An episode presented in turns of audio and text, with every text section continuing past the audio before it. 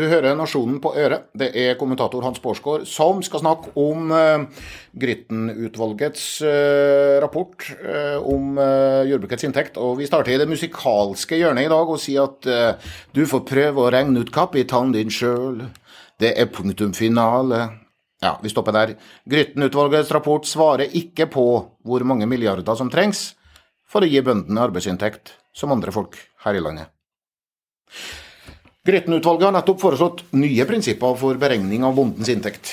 Og landbruks- og matminister Sandra Borch fra Senterpartiet vil ikke bekrefte det, men eh, hun ser lettet ut.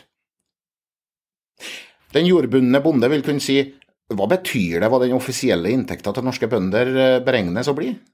Eh, sitter ikke jeg igjen med de samme kronene på driftskontoen allikevel? Det stemmer, men de inntektsbegrepene vi snakker om her, er ikke virkelighetsfjern skrivebordsteori.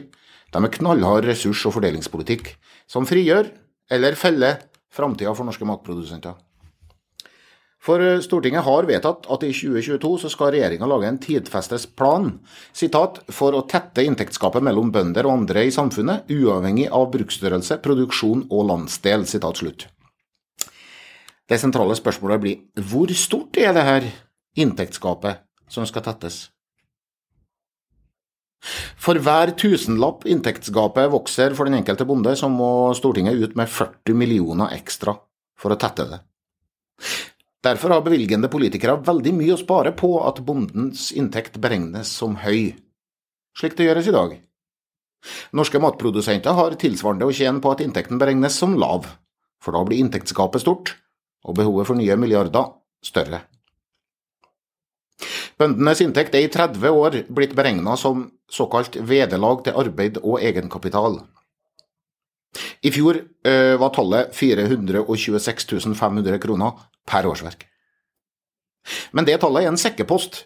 Det sier ikke verken hva bonden tjener på arbeidet sitt, eller hvilken avkastning en har på egenkapitalen. Grytten-utvalget fikk i oppgave å vurdere citat, 'grunnlag og forutsetninger for sammenligning av næringsinntekter med lønn for arbeidstakere'. Sitat slutt.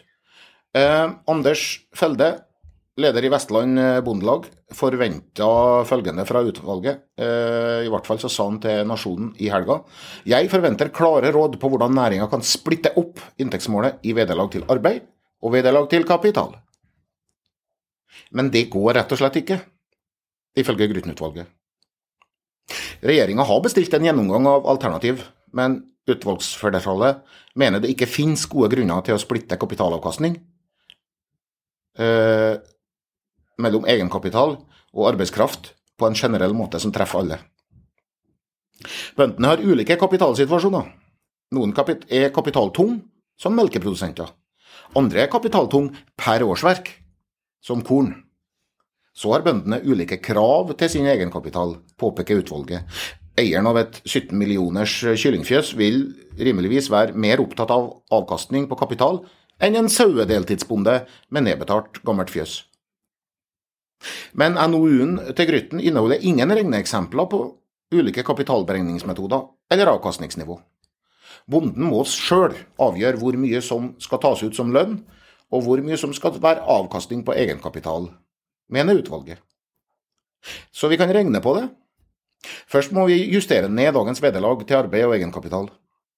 Grytten-utvalget vil nemlig trekke fra de stadig voksende utgiftene som aktive bønder har til leie av jord, leie av kvote, leie av arbeidskraft. Det bringer årsverksvederlaget ned mot rundt 375 000 kroner. Inntektsgapet til andre grupper øker altså med 50 000 kroner, om lag 2 milliarder for hele næringa av det forslaget her. Norske bønder har i snitt 4,6 millioner kroner plassert som egenkapital på gårdsbruket sitt. Hva skal de ha i avkastning på det?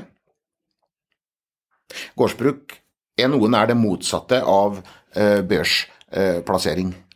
Det er få som går over ende, men en risiko er det like fullt med å lage mat til folk.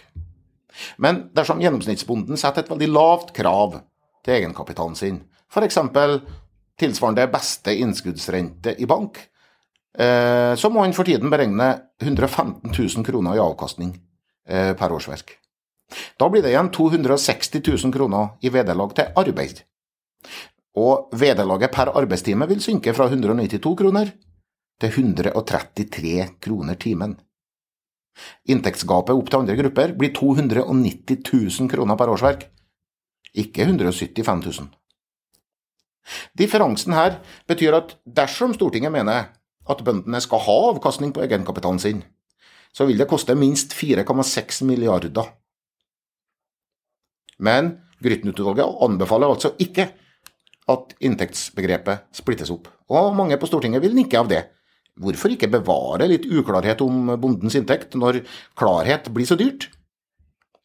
Grytten-utvalgets rapport kan leses som en oppfordring og en utfordring til norske bønder om sjøl å regne på hva du vil tjene på å selge bruket og sette pengene i banken.